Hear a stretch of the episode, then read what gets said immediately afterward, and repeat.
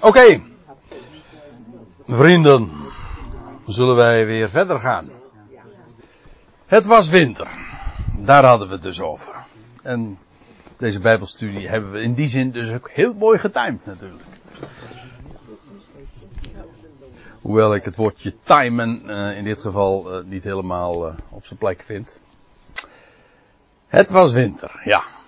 En dan lees je, en Jezus wandelde in de tempel, in de zuilengang van Salomo. Dat is een bekend deel, de Stoa van Salomo.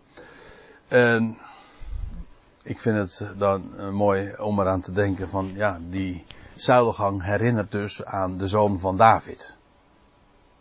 En als ik het zo zeg, dan heb ik eigenlijk genoeg gezegd over, de, over deze locatie al. En, eh, en de betekenis daarvan. Eventjes uh, een plaatje. Dit is een. Nu ik het zo bekijk, is die wat minder duidelijk dan wanneer ik hem op mijn computerscherm zie. Maar uh, dit is dus uh, de tempel. Maar ik moet er dan even bij zeggen, dus niet, hier heb je dan, zou je dan de olijfberg hebben. aan de oostkant van Jeruzalem. En dit is dan de tempel. Dit is vanuit het westen bezien dus. Neem me niet kwalijk. Hè? Daar staat nu de rotkoepel uh, ja, nou, dat, daar snij je een hele delicate kwestie aan. Waar is nou die uh, rotskoepel? Uh, men, men zegt algemeen, die stond hier. inmiddels sta ik op een heel ander standpunt en ik zeg die rotskoepel die stond hier, namelijk de burcht van Antonia. Maar ik stel voor dat we dat, die kwestie eventjes parkeren. En dat is een heel boeiend onderwerp voor, voor, een, voor een hele serie. Want uh, de kwestie vind ik boeiend genoeg om dat nog eens een keertje uitgebreider te bespreken. Het houdt me erg bezig. Al lange tijd trouwens. Maar ik kan me ook voorstellen, Fred, dat je zegt van, goh, waar maak je je druk om? Nee, ik vind, ik vind het leuk. Dus, daar, uh... als zeker als ik het zo zeg, kan ik me dat wel voorstellen. Maar dus, daar, ook daar zit meer aan vast dan je op het eerste gezicht zou denken. Maar ik stel voor dat we het daar even helemaal niet over hebben. Doet eigenlijk ook nou niet de zaken. Maar u ziet al, hier heb je een hele zuilengang. En dat was ook overdekt. En dan begrijp je ook meteen waarom je in de winter juist daar je, een onderkomen zoekt. Want ja, daar is het, daar, daar sta je uit de wind en, eh, en droog. En dit was de zuilengang van Salomo. Dus tegen het oosten, dus richting de Olijfberg aan, zeg maar. En dat was een bekend deel en het wordt nogal eens een keer genoemd. Je leest in, uh, in boekhandelingen een tweetal keren. Dan lees je over die, als hij, als die, die verlamde man uh, is genezen. En dan lees je in vers 11, en hij, hij, dat is die man die verlamd was, um, nadat hij genezen was trouwens, Petrus had gezegd van goud en zilver heb ik niet, die geschiedenis. Goud en zilver heb ik niet, maar wat ik heb, dat geef ik je. In de naam van Jezus, de Nazarener, sta op en wandel. En dan lees je, hij, stond niet op, hij sprong op en hij danste zo de tempel in. En, en vervolgens lees je, en hij hield Petrus en Johannes vast. En al het volk liep van, van streek, ja, kun je je voorstellen, samen naar hen toe. In de zuilengalerij van Salomo. Diezelfde locatie dus. En even later, in hoofdstuk 5, vers 12, dan lees je, en door de handen van de afgevaardigden, de apostelen, dit is de vertaling van geschriften, van de vertaling Heiman, zeg maar. Uh, en door de handen van de afgevaardigden, de apostelen dus, gebeurden vele tekenen en wonderen onder het volk. En zij waren allen eensgezind in de zuilengalerij van Salomo. Dus dat was de plaats waar zij, die messiaanse beweging zeg maar, uh, samenkwamen. Eensgezind. In de, bij de zuilen, eigenlijk de, de, de, het woord wat daar gebruikt wordt in het Grieks, dat is stoa. En dat zijn eigenlijk gewoon staanders. En feitelijk ook, als u het mij vraagt. En sommigen vinden dat misschien te ver gaan, maar ik zeg, uh, dat zijn eigenlijk allemaal gewoon monumenten, uh, monumenten van opstanding. Dat is wat een zuil is. die herinneren aan Salomo, oftewel de zoon van David. En dan, als ik het zo zeg, dan heb ik het eigenlijk helemaal compleet gezegd. Want het herinnert dus eigenlijk, uh, het zijn allemaal monumenten die herinneren aan de zoon van David. Uh, aan de opgewekte, de opgestane zoon van David. Daar kwam men samen. dat, lijkt, dat zit er dan ook nog wel weer achter. Zit ook in de voorhof ook diezelfde gang? nou, dat zit zo. Hier had je dus de Wacht even. Nou moet ik even goed nadenken. normaal gesproken zie je dit tempel vanaf een andere, vanuit het oosten bezien. Dus vanaf de, vanaf de Olijfberg.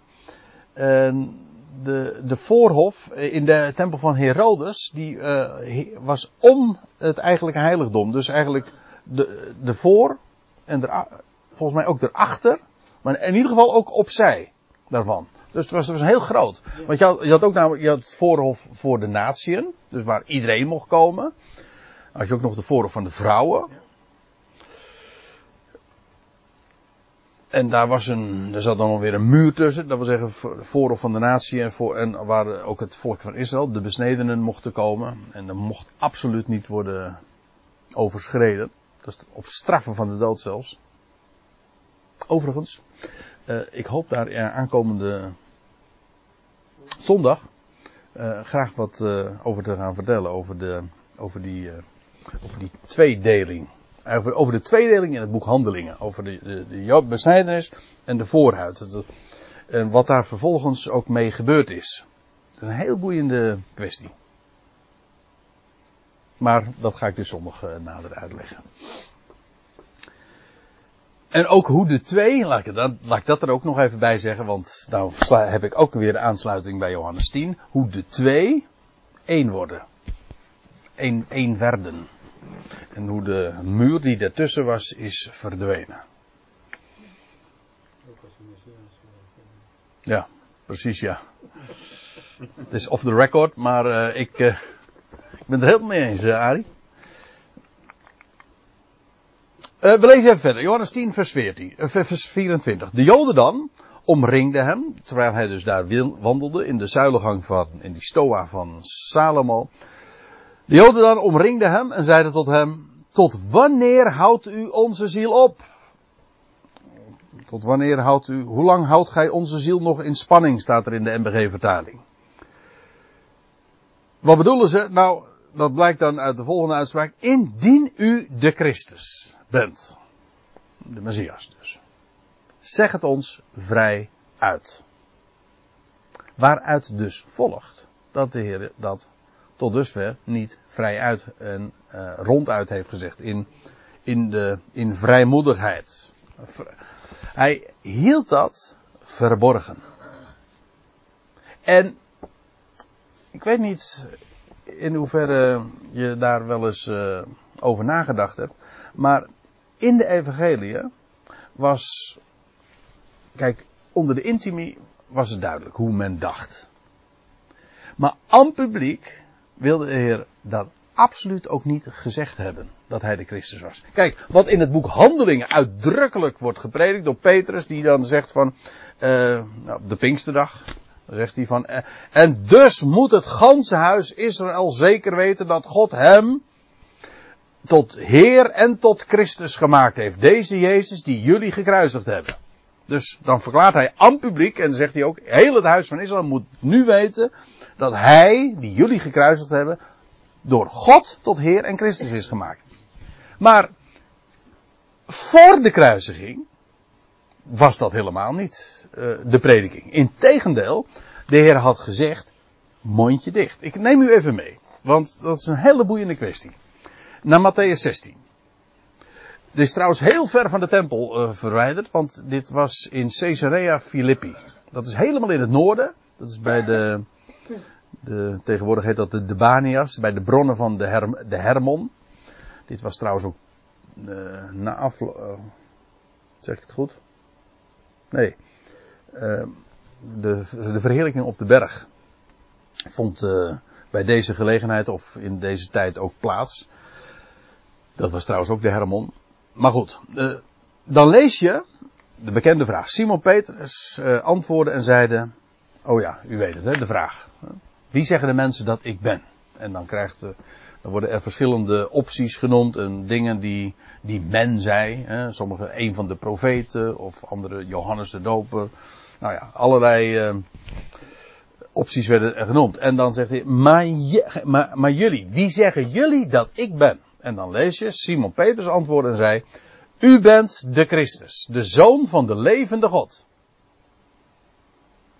En dan krijgt hij ook te horen dat uh, hij op die Petra, uh, Christus zijn gemeente, zijn ecclesia zou, zou bouwen. Maar daar gaat het me nu even niet om. Want als je nou even een paar versen doorleest, dan kom je in vers 20 uit. En dan staat er, toen verbood hij, de Heer Jezus dus, met nadruk zijn discipelen aan iemand te zeggen, hij is de Christus. Eén ding is duidelijk. De boodschap die de Heer dus tijdens zijn leven op aarde uh, gebracht heeft, was niet dat hij de Christus was. Integendeel, als het al gezegd werd, en de Heer, zei, de Heer had ook tegen Petrus gezegd van vlees en bloed, hebben jou dat niet geopenbaard. Dat wil zeggen, in feite ook, staat daar, een mens, zelfs ik heb jou dat niet zo gezegd. Maar, mijn vader in de hemel, heeft je dat kenbaar gemaakt. Dat wil zeggen, je hebt, het goed, je hebt het goed begrepen. Dat is eigenlijk de gedachte. Maar het was niet de prediking. En sterker nog, het werd uitdrukkelijk verboden om het aan iemand ook maar te zeggen. Hij is de Christus. Het was dus feitelijk ook prematuur. Feitelijk is de Heer Jezus ook de, de gezalfde geworden doordat hij ja, in beeld gebeurde het al toen hij uh, de Heilige Geest ontving toen hij gedoopt was in de Jordaan. Dat lees je ook. In uh, het huis van Cornelius zegt Petrus dat hij werd gezalfd met Gods Geest. Maar dat was in beeld. Maar in feite, toen de Heer dood was en leven ontving, we hadden het daar eerder over. Hij werd gezalfd met geest, met heilige geest. Hij kreeg de heilige geest, hij kreeg de geest. Maar dan, dan bedoel ik dus letterlijk ook opstandingsleven. Hij gaf de geest een sterfelijk leven, hij gaf zijn ziel. Maar hij kreeg heilige geest in zijn opstanding. Hij werd gezalfd. Olijfolie, hè, waar koningen en priesters doorgesteld werden. Nou, dat was feitelijk in zijn opstanding. Dus in zijn opstanding werd hij definitief de Christus. Toen, al, dus als het daarvoor gezegd werd, was het eigenlijk prematuur. Het was, uh, het, hij zou het worden. En officieel was hij al uh, daartoe bestemd, dat is duidelijk. Maar het was nog niet het onderwerp van de prediking en het mocht ook niet verteld worden. Maar nu, dan gaan we, bladeren we even door. En komen we in Matthäus 26. En dan loopt het proces tegen Jezus vast. En dan, uh, ja, is die al, uh, vindt iedere keer die gang plaats van Herodes naar uh, Pilatus. Uh, ook, maar eerst begint dat dan, dat proces, in de Joodse Raad, in het Sanhedrin. En dan lees je, iedere keer kwamen valse, uh, kwamen er getuigen op, maar ja, dat, die brachten de zaak niet tot, tot helderheid, want de, de getuigen spraken elkaar tegen. En dan, op een gegeven moment is de hoge priester eigenlijk ten einde raad, en dan doet hij iets wat heel uitzonderlijk is. En de Heer Jezus uh, hielp al, uh, ook niet mee, want hij bleef zwijgen. Hij zei niks tegen al die beschuldigingen. Uh, hij liet dat gewoon begaan. Jezus bleef zwijgen. En dan lees je, en de hoge priester, die zei tot hem, ik bezweer u bij de levende God. Nu, de hoge priester dat zei, en ook met een eedswering, dus dat bekrachtigde, nu kon Jezus niet langer zwijgen. Maar nu zei de hoge priester iets onder een eedswering. Hij zegt, ik bezweer u bij de levende God dat u ons zegt of u de Christus, of u bent de Christus, de Zoon van God. Hé, hey, dat is eigenaardig. Deze formulering herinnert direct aan wat we tien hoofdstukken eerder lezen. Dat Simon Petrus ooit daar in, de, in het noorden van Israël, daar bij de berg Hermon, verklaard had in het geheim. Waarvan de Heer had gezegd, mondje dicht. En nu zegt de hoge priester, onder eedswering, nu de hele zaak, het proces dreigt uh, spaak te lopen, of in ieder geval de getuigen stemmen er niet overeen. En nu haalt hij iets kennelijk uh, tevoorschijn. En hij, hij vraagt bij de levende God, bent u de Christus, de Zoon van God? En ja, dat is dus het punt. Hoe wist die hoge priester dat? En dat kan maar één ding betekenen. Als je gewoon het verhaal leest, dat kan maar één ding betekenen. En dat is dat een van de discipelen uit school geklapt heeft. En we weten natuurlijk, uh, dat lijkt me duidelijk, wie dat gedaan heeft. En dat Judas dus naar de hoge priester is gegaan. Want wat heeft hij. Ja, dat is een onderwerp op zich eigenlijk, hè. Maar goed, het, het komt zo aan de orde, hè. niet op die berg. Nee, hij was niet op die berg, maar dat was, uh, dat is trouwens, dat is Matthäus 17. Maar de Heer was, uh, Judas was hier wel bij toen Petrus dat verklaarde hoor. Ja, ja. Hij, want je leest dat al die discipelen waren bij die gelegenheid daar ook aanwezig. En dus als Petrus die uitspraak doet, u bent de Christus, de Zoon van de levende God, en die uitspraak wordt, is in het verborgene gedaan en moest ook verborgen blijven, met nadruk. Maar de hoge priester, als de zaak dan helemaal vastloopt, komt hiermee op de proppen. Eigenlijk met een citaat van Petrus. En de Heer geeft trouwens ook een min of meer ontwijkend antwoord dan nog. Uh, hij zegt, ja, u zegt het. Wat trouwens ook tamelijk dubbelzinnig is. Want daarmee kun je zeggen van, nou, het is waar. Je kunt er ook zeggen van, het zijn uw woorden. Maar goed. Eh, het gaat mij nu even om de vraag van, uh, ja, hoe was de hoge priester hiervan op de hoogte gebracht? Uh, dat hij dit zo kon zeggen, omdat het namelijk nadrukkelijk was verboden om daarover te spreken.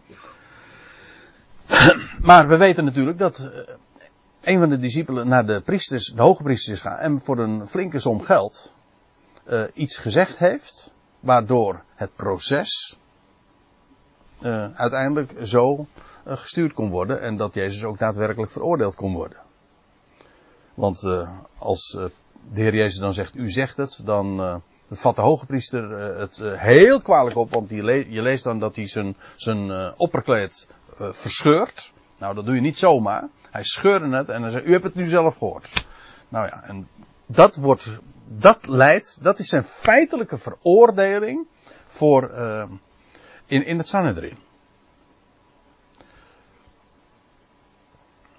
En dat, Ja, wat het eh, motief trouwens daarvoor eh, van, van Judas voor geweest is. Dat wordt natuurlijk altijd, uh, dat is een interessante kwestie, maar ik aarzel even om, om dat nu verder ter sprake te brengen. Maar meestal zegt men van ja, Judas wilde gewoon dat Jezus, hij had het er helemaal niet meer op. Hij wilde dat Judas, of dat de Heer Jezus veroordeeld zou worden. Maar dat Judas in werkelijkheid Jezus wilde stimuleren en wilde uh, forceren om zich kenbaar te maken als de Messias. En daarmee ook zijn, om eindelijk zich uh, te openbaren en te zeggen, ik ben de Christus en dat het Messiaanse koninkrijk uh, geopenbaard zou worden.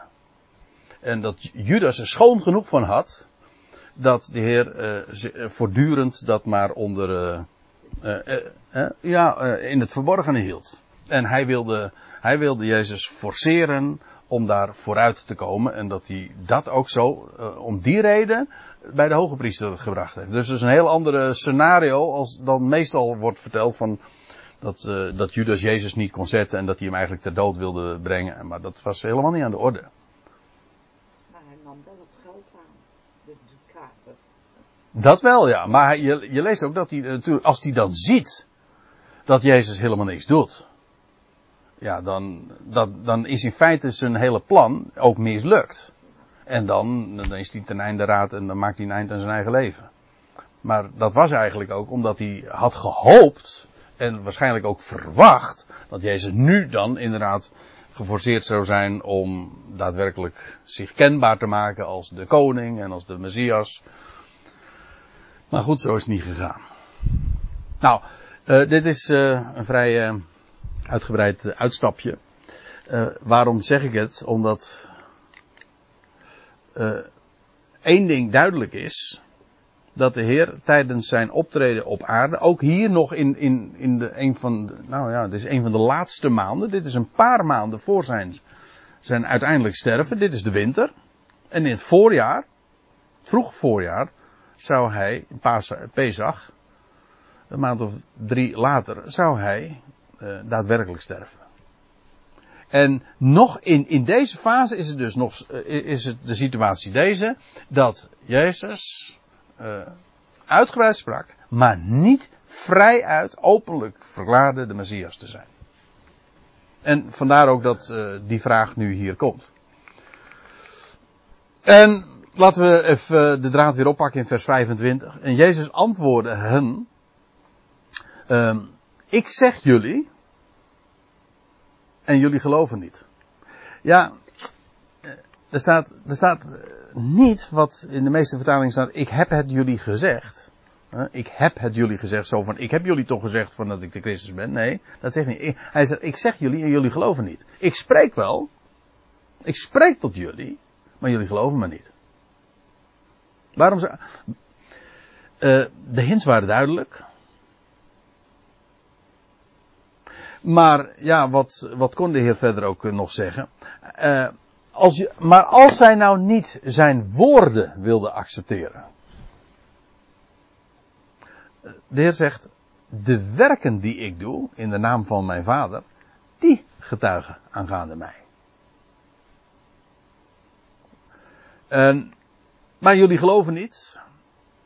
En de reden is omdat jullie niet vanuit mijn schapen zijn. En nu gaat dat feitelijk uh, nog weer de, die metafoor waar hij het al eerder over in het hoofdstuk had, over die kudde en die schapen, uh, zet hij hier voort.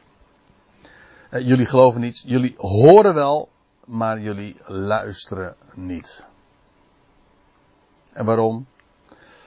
Jullie zijn niet vanuit mijn schapen, of ik ben haast geneigd, ik geef toe, het staat er zo niet, maar ik ben er geneigd om te denken, jullie zijn bokken. En u weet wat het verschil tussen een schaap en een bok is. We hebben ze vroeger ook gehad, beide. En een schaap die luistert, maar een bok luistert per definitie niet, hè. ja. Die zijn bokkig, namelijk. Uh, jullie geloven niet. En zijn woorden legden zij uh, verkeerd uit. En dat wat hij deed, dat, en de werken die hij deed, die van hem getuigden, daar uh, wilden ze niet aan, die werden ook verkeerd uitgelegd. Hij zei, mijn schapen die horen mijn stem. Dat is het kenmerk van mijn schapen. Uh, mijn schapen horen mijn stem. Ik ken ze en ze volgen mij. Ze horen in de meest, in de meest uitgebreide zin en van het woord, namelijk niet alleen maar ze horen het, in de, in de zin van het komt via de gehoorgang binnen. Nee, ze geven er ook gehoor aan. Gehoorzaam. Hm? Betekent dat eigenlijk ook. Gehoor geven aan. Zij horen mijn stem. Ik ken ze. En ze volgen mij. Dat is wat schapen doen. Die volgen de herder. Niet de huurling, maar wel de herder. En ik geef hen, ik lees verder in 28. Ik geef hen Ionisch eeuwig leven. En, maar dat weten we. Er is geen evangelie waar zo dikwijls sprake is van dat eeuwige leven als juist het Johannes-evangelie. Het leven, dat is het leven van de toekomende aion. Ik had juist vanmorgen nog even een gesprekje over met iemand die iets in de evangelie had gelezen. Uh, dat ging over de tekst. Uh, smal is de weg die naar het leven leidt. En er zijn velen die de brede weg kiezen. En toen zei ze van, hoe, hoe, de vraag was, hoe verhoudt zich dit nou tot, tot wat jij altijd vertelt en wat ik eigenlijk al geloof, maar ze begreep het niet zo helemaal. Uh, Zo'n uitspraak nu met, met het feit dat, dat iedereen gered wordt en dat iedereen verzond wordt en dat, hoe kan dat? Nou, toen hebben we, toen heb ik ook het antwoord gegeven. En je moet niet vergeten, de Heer Jezus sprak hier op aarde over de, en sloot aan op de verwachting die Israël had. Namelijk, hij sprak over het komende koninkrijk. De aion die zou volgen. De komende aion. Dat is het eeuwige leven. Het leven van die toekomende eeuw. Die uitdrukking ehm, die vind je in eh, Lucas 18. Onder andere, vers 30. En dat is buitengewoon belangrijk. En om eventjes nog eh, aan te sluiten bij eh, dat gesprekje wat ik dan vanmorgen daarover had. Kijk, het is niet zo dat alle mensen dat eeuwige leven ontvangen. Nee, er, zijn, er zullen er velen zijn, sterker nog, de meerderheid van de mensheid zal niet de toekomende eeuw meemaken, de toekomende eeuwen ook niet. Dat is beperkt. Degenen die geloven, ontvangen, die zullen dat meemaken, zullen daar ook een, een belangrijke plaats en rol in spelen. Maar velen zullen gedurende die, die ionen dood zijn. Is dat dan in strijd met de, het evangelie, namelijk dat alle mensen het leven zullen ontvangen en dat hij een redder is van hem? Nee, helemaal niet. Want het zijn juist die toekomende ionen waarin de Heer zal heersen. En waarin degenen die geloven een aandeel in zullen hebben. Maar uiteindelijk zal de Heer de, de dood teniet doen. Dat is de laatste vijand. Dat is zijn laatste regeringsdaad. En dat wil zeggen, hij maakt alle mensen levend. Degenen die dan nog dood zijn, maakt hij levend. En doordat hij alle levend maakt op, aan het eind, doet hij de dood er niet. Dat is geen hogere wiskunde toch, hè? Als je alle levend maakt, ja, dan is de dood teniet gedaan. Nou, dat is precies wat er gebeurt. Allen mensen sterven in Adam en ze worden in Christus levend gemaakt. Alleen ieder in zijn eigen afdeling. Eerst Christus. Vervolgens die van Christus zijn, ook in zijn parousia.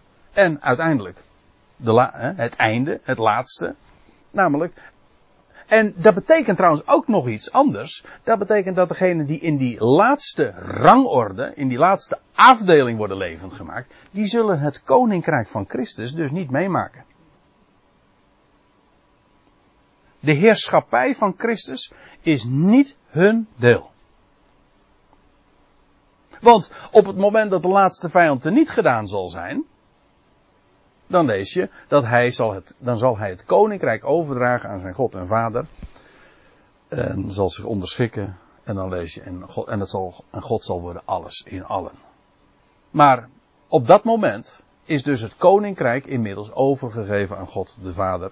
En de heerschappij van Christus voorbij. Hij, Christus moet heersen totdat hij al zijn vijanden onder zijn voeten gesteld zal hebben. Dus nou ja, dat, eh, om eventjes uh, terug te komen nog een keer op dat gesprek van vanmorgen. De Bijbel is volmaakt in overeenstemming met zichzelf. Het ene is waar en het andere is waar. Het is niet, je moet niet het ene geloven en, en, en, en, en dan het andere wegstrepen. Nee, je moet het ene geloven en het andere net zo goed. Het is allebei waar. Heeft iedereen het eeuwige leven? Het eeuwige leven? Het leven van die eeuw? Of van de, van de komende eeuwen? Nee, absoluut niet. Dat is het deel van degenen die geloven. Ontvangt iedereen het leven? Absoluut. Net, dat is net zo waar. En, en de Bijbel verklaart het ook hoe dat kan. En ik ben verschrikkelijk blij dat ik dat, dat ik mag weten. Dat ik het ook mag begrijpen. Dat ik het dus uh, kan uitleggen. Kijk, het grote probleem is natuurlijk er is totaal geen zicht op de Ionen. Op het feit dat er verschillende tijdperken nog gaan volgen. En als je dat niet hebt, dan zul je het ook nooit verstaan. Het, er is niets wat de waarheid van het evangelie zozeer verduistert als dat vertaalwoord eeuwigheid. Dat op het moment dat je daardoor, dat het verblindt je voor het evangelie. Wie zou daar nou achter zitten? De, God van deze, je leest dat in 2 Korinthe 4, dat de God van deze Aion, die, die verblindt de redenering, het het, de overleggingen. Zodat ze het schijnsel niet ontwaren van het evangelie van de heerlijkheid van Christus. Je ziet het niet. Dat is geen kwestie van uh, gebrek aan intelligentie. Nee, het evangelie is, is, is zodanig verduisterd dat je het niet kan zien.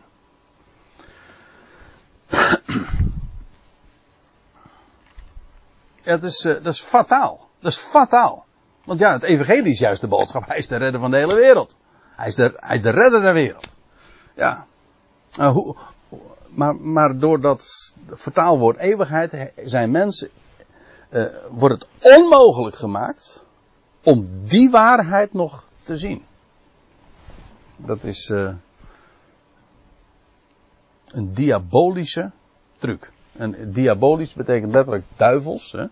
Maar betekent nog letterlijker, betekent door elkaar gooien. En dat is wat er gebeurt. Want de dingen worden daardoor door elkaar gegooid, waardoor je het niet meer snapt. Nou ja, dat zeg ik eventjes naar aanleiding van dat Ionische leven. Ik geef hen, niet iedereen, ik geef hen Ionisch leven, het eeuwige leven. En ze zouden absoluut niet verloren gaan tot in de Aion. En niemand zal ze wegrissen uit mijn hand. Ja, wat betekent dat niet verloren gaan? Nou, dat betekent, uh, ze niemand zal ze weggrissen, uit mijn hand. Van, vanuit mijn hand. Dat betekent trouwens ook, ze zijn, ze zijn in mijn hand. En niemand, en niemand welke poging men ook doet om ze weg te grissen uit mijn hand, uh, bij voorbaat is dat uh, mission impossible. Dat kan niet. Bestaat niet. Niemand kan ze weggrissen vanuit mijn hand. Ze zullen absoluut niet verloren gaan tot in de Aion. Dat wil zeggen, daar zullen ze veilig aankomen. Hoe dan ook. Die zullen ze beërven, want ze krijgen dan, als ze gestorven zijn, dan worden ze opgewekt. Op de laatste dag. Daar zullen we het uh, ook nog wel over hebben, later. Mijn vader, zegt de Heer Jezus, die ze aan mij heeft gegeven, ze, mijn schapen, die mijn stem horen, degene die geloven. Mijn vader die ze aan mij heeft gegeven, die is groter dan alles. Mijn vader, dat is dus degene die gegeven heeft. De gever. En de Heer Jezus zegt erbij, die is groter dan alles. Hij geeft. De Heer Jezus is de ontvanger. Mijn vader, dat is degene die het geeft. Dat zagen we al eerder. Het is degene van wie hij volmacht heeft ontvangen. Die hem ook opgewekt heeft uit de doden. En mijn vader is groter dan alles. En niemand kan ze weggrissen vanuit de hand van mijn vader. hey, in vers 28 was niemand zal ze weggrissen vanuit mijn hand. En hier is het, en niemand kan ze weggrissen vanuit de hand van mijn vader. Ja, ik denk dan hieraan. Twee handen. gewoon veilig. In de hand van hem en de hand van de vader. Dat, die twee, laat ik het zo zeggen, die twee zijn één. En als ik het zo zeg, dan zijn we meteen bij vers 30. Ik en de Vader zijn één. Eerst, niemand zal ze weggrissen uit mijn hand. Volgende vers, niemand zal ze weggrissen uit de hand van mijn Vader. Ik en de Vader zijn één. Wat betekent dat? Ook hier, uh, hier komt ook uh, dan nog weer uh, theologie bij. Want u weet wat hier uit geconcludeerd is. Bijvoorbeeld de leer van de drie-eenheid. Of in dit geval dan zou je dan twee-eenheid krijgen. eigenlijk zijn, eh, dat de Heer Jezus zegt, ik en de Vader zijn dezelfde persoon. Is dat het? Nou, laten we even verder lezen. Uh, in Johannes 17. Dat is het hoge priesterlijk gebed. Zo wordt het altijd genoemd. En dan lezen we in vers 20 dat de Heer Jezus zegt. En ik vraag niet alleen voor deze. En hij doelt dan op de, de twaalf, de apostelen. Ik vraag niet alleen voor deze, maar ook voor hen die door hun woord in mij zullen geloven. En dan zegt hij, opdat zij allen één zullen zijn. Hoe? Zoals u, vader, in mij en ik in u. hey, dit is precies waar we het over hadden, of waar de Heer Jezus het over heeft in Johannes 10. Ik en de vader zijn één. En wat betekent dat? Nou, de vader is in mij en ik ben in de vader. Zo zijn we één. Maar, zegt hij, de Heer Jezus, eh, de bede van de Heer Jezus hier is, uh, voor allen die ook door hun woord in mij zullen geloven, opdat zij, zij allen één zullen zijn, zoals u vader in mij en ik in u.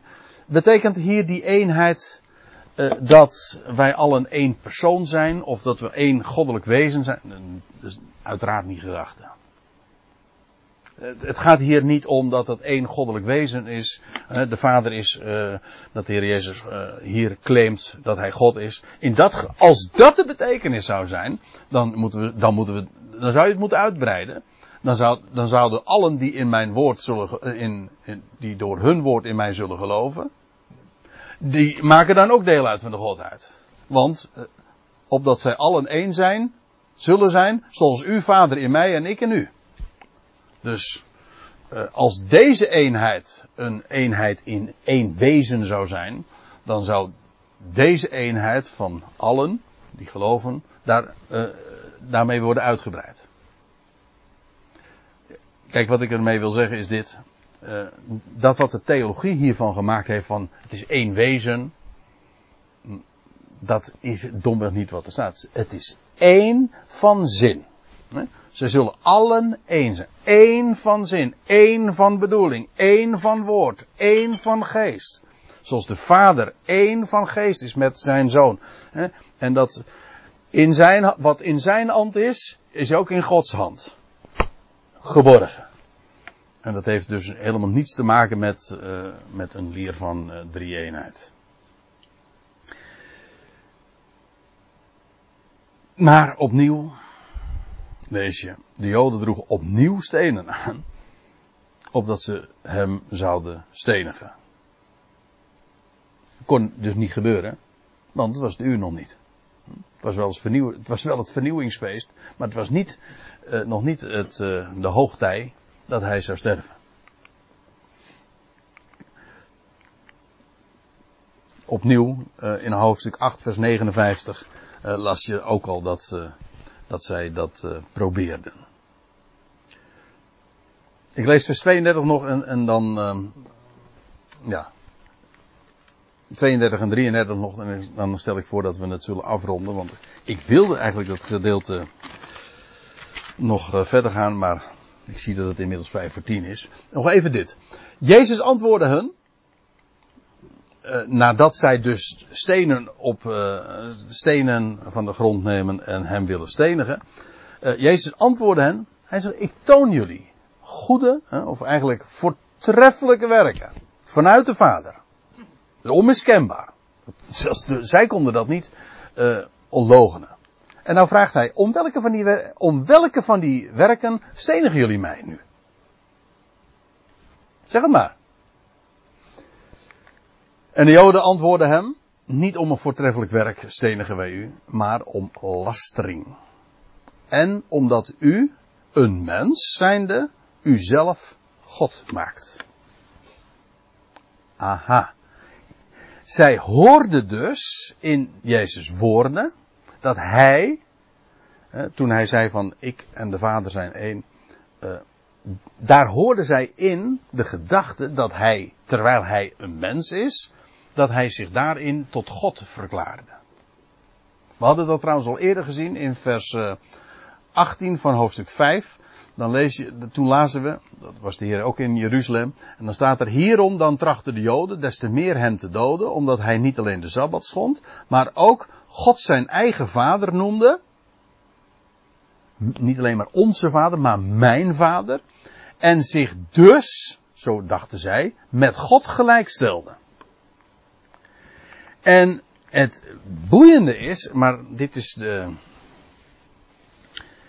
uh, hoe noemen ze dat? De, de cliffhanger, ja, die bedoel ik. Dus de cliffhanger voor, uh, voor de volgende keer. Want nu hebben zij dus een beschuldiging geuit. Hij zegt, dit is om, het is om lastering dat wij u, jou, willen stenigen. Waarom? En wat is, waaruit bestaat de lastering? Dat u, die een mens bent, u zelf God maakt. En dit is boeiend. Dit is zo boeiend. Want hier komt nou precies een vraag aan de orde. Die in de christenheid dus uh, zo gemeengoed is geworden. Namelijk dat men zegt, Jezus was inderdaad een waarachtig mens. Dat verklaart men. Dat is de leer van de drie eenheid. Maar Jezus is ook God de Zoon. Jezus was ook daadwerkelijk God. Nou, de Joden beschuldigen Jezus hiervan. Dat Jezus dit zou claimen. En nou is de grote vraag dus, gaat Jezus hierin mee? Als Jezus inderdaad verklaarde en claimde God te zijn, moest hij het hier zeggen.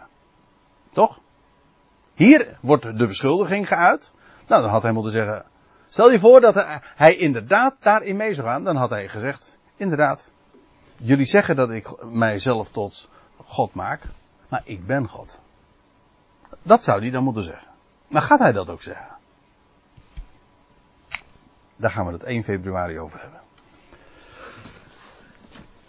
U bent bij deze van harte uitgenodigd. Want het antwoord, dat kan ik u wel verklappen, is zo verrassend. Het is zo verrassend, want de Heer stelt daarmee niet alleen hun beschuldiging aan de kaak, maar hij geeft ook ons christenen, bedoel ik, zo perfect antwoord op de vraag wie hij nou werkelijk is. Dat is dus het vervolg van Johannes 10. Ja. Ik had gehoopt en gedacht dat ik daar de volgende, eh, deze vanavond nog aan toe zou komen, maar helaas. Dit wordt dus uh, geparkeerd voor uh, de volgende maand. Ik stel voor dat we deze avond nog zullen afsluiten met dankgebed.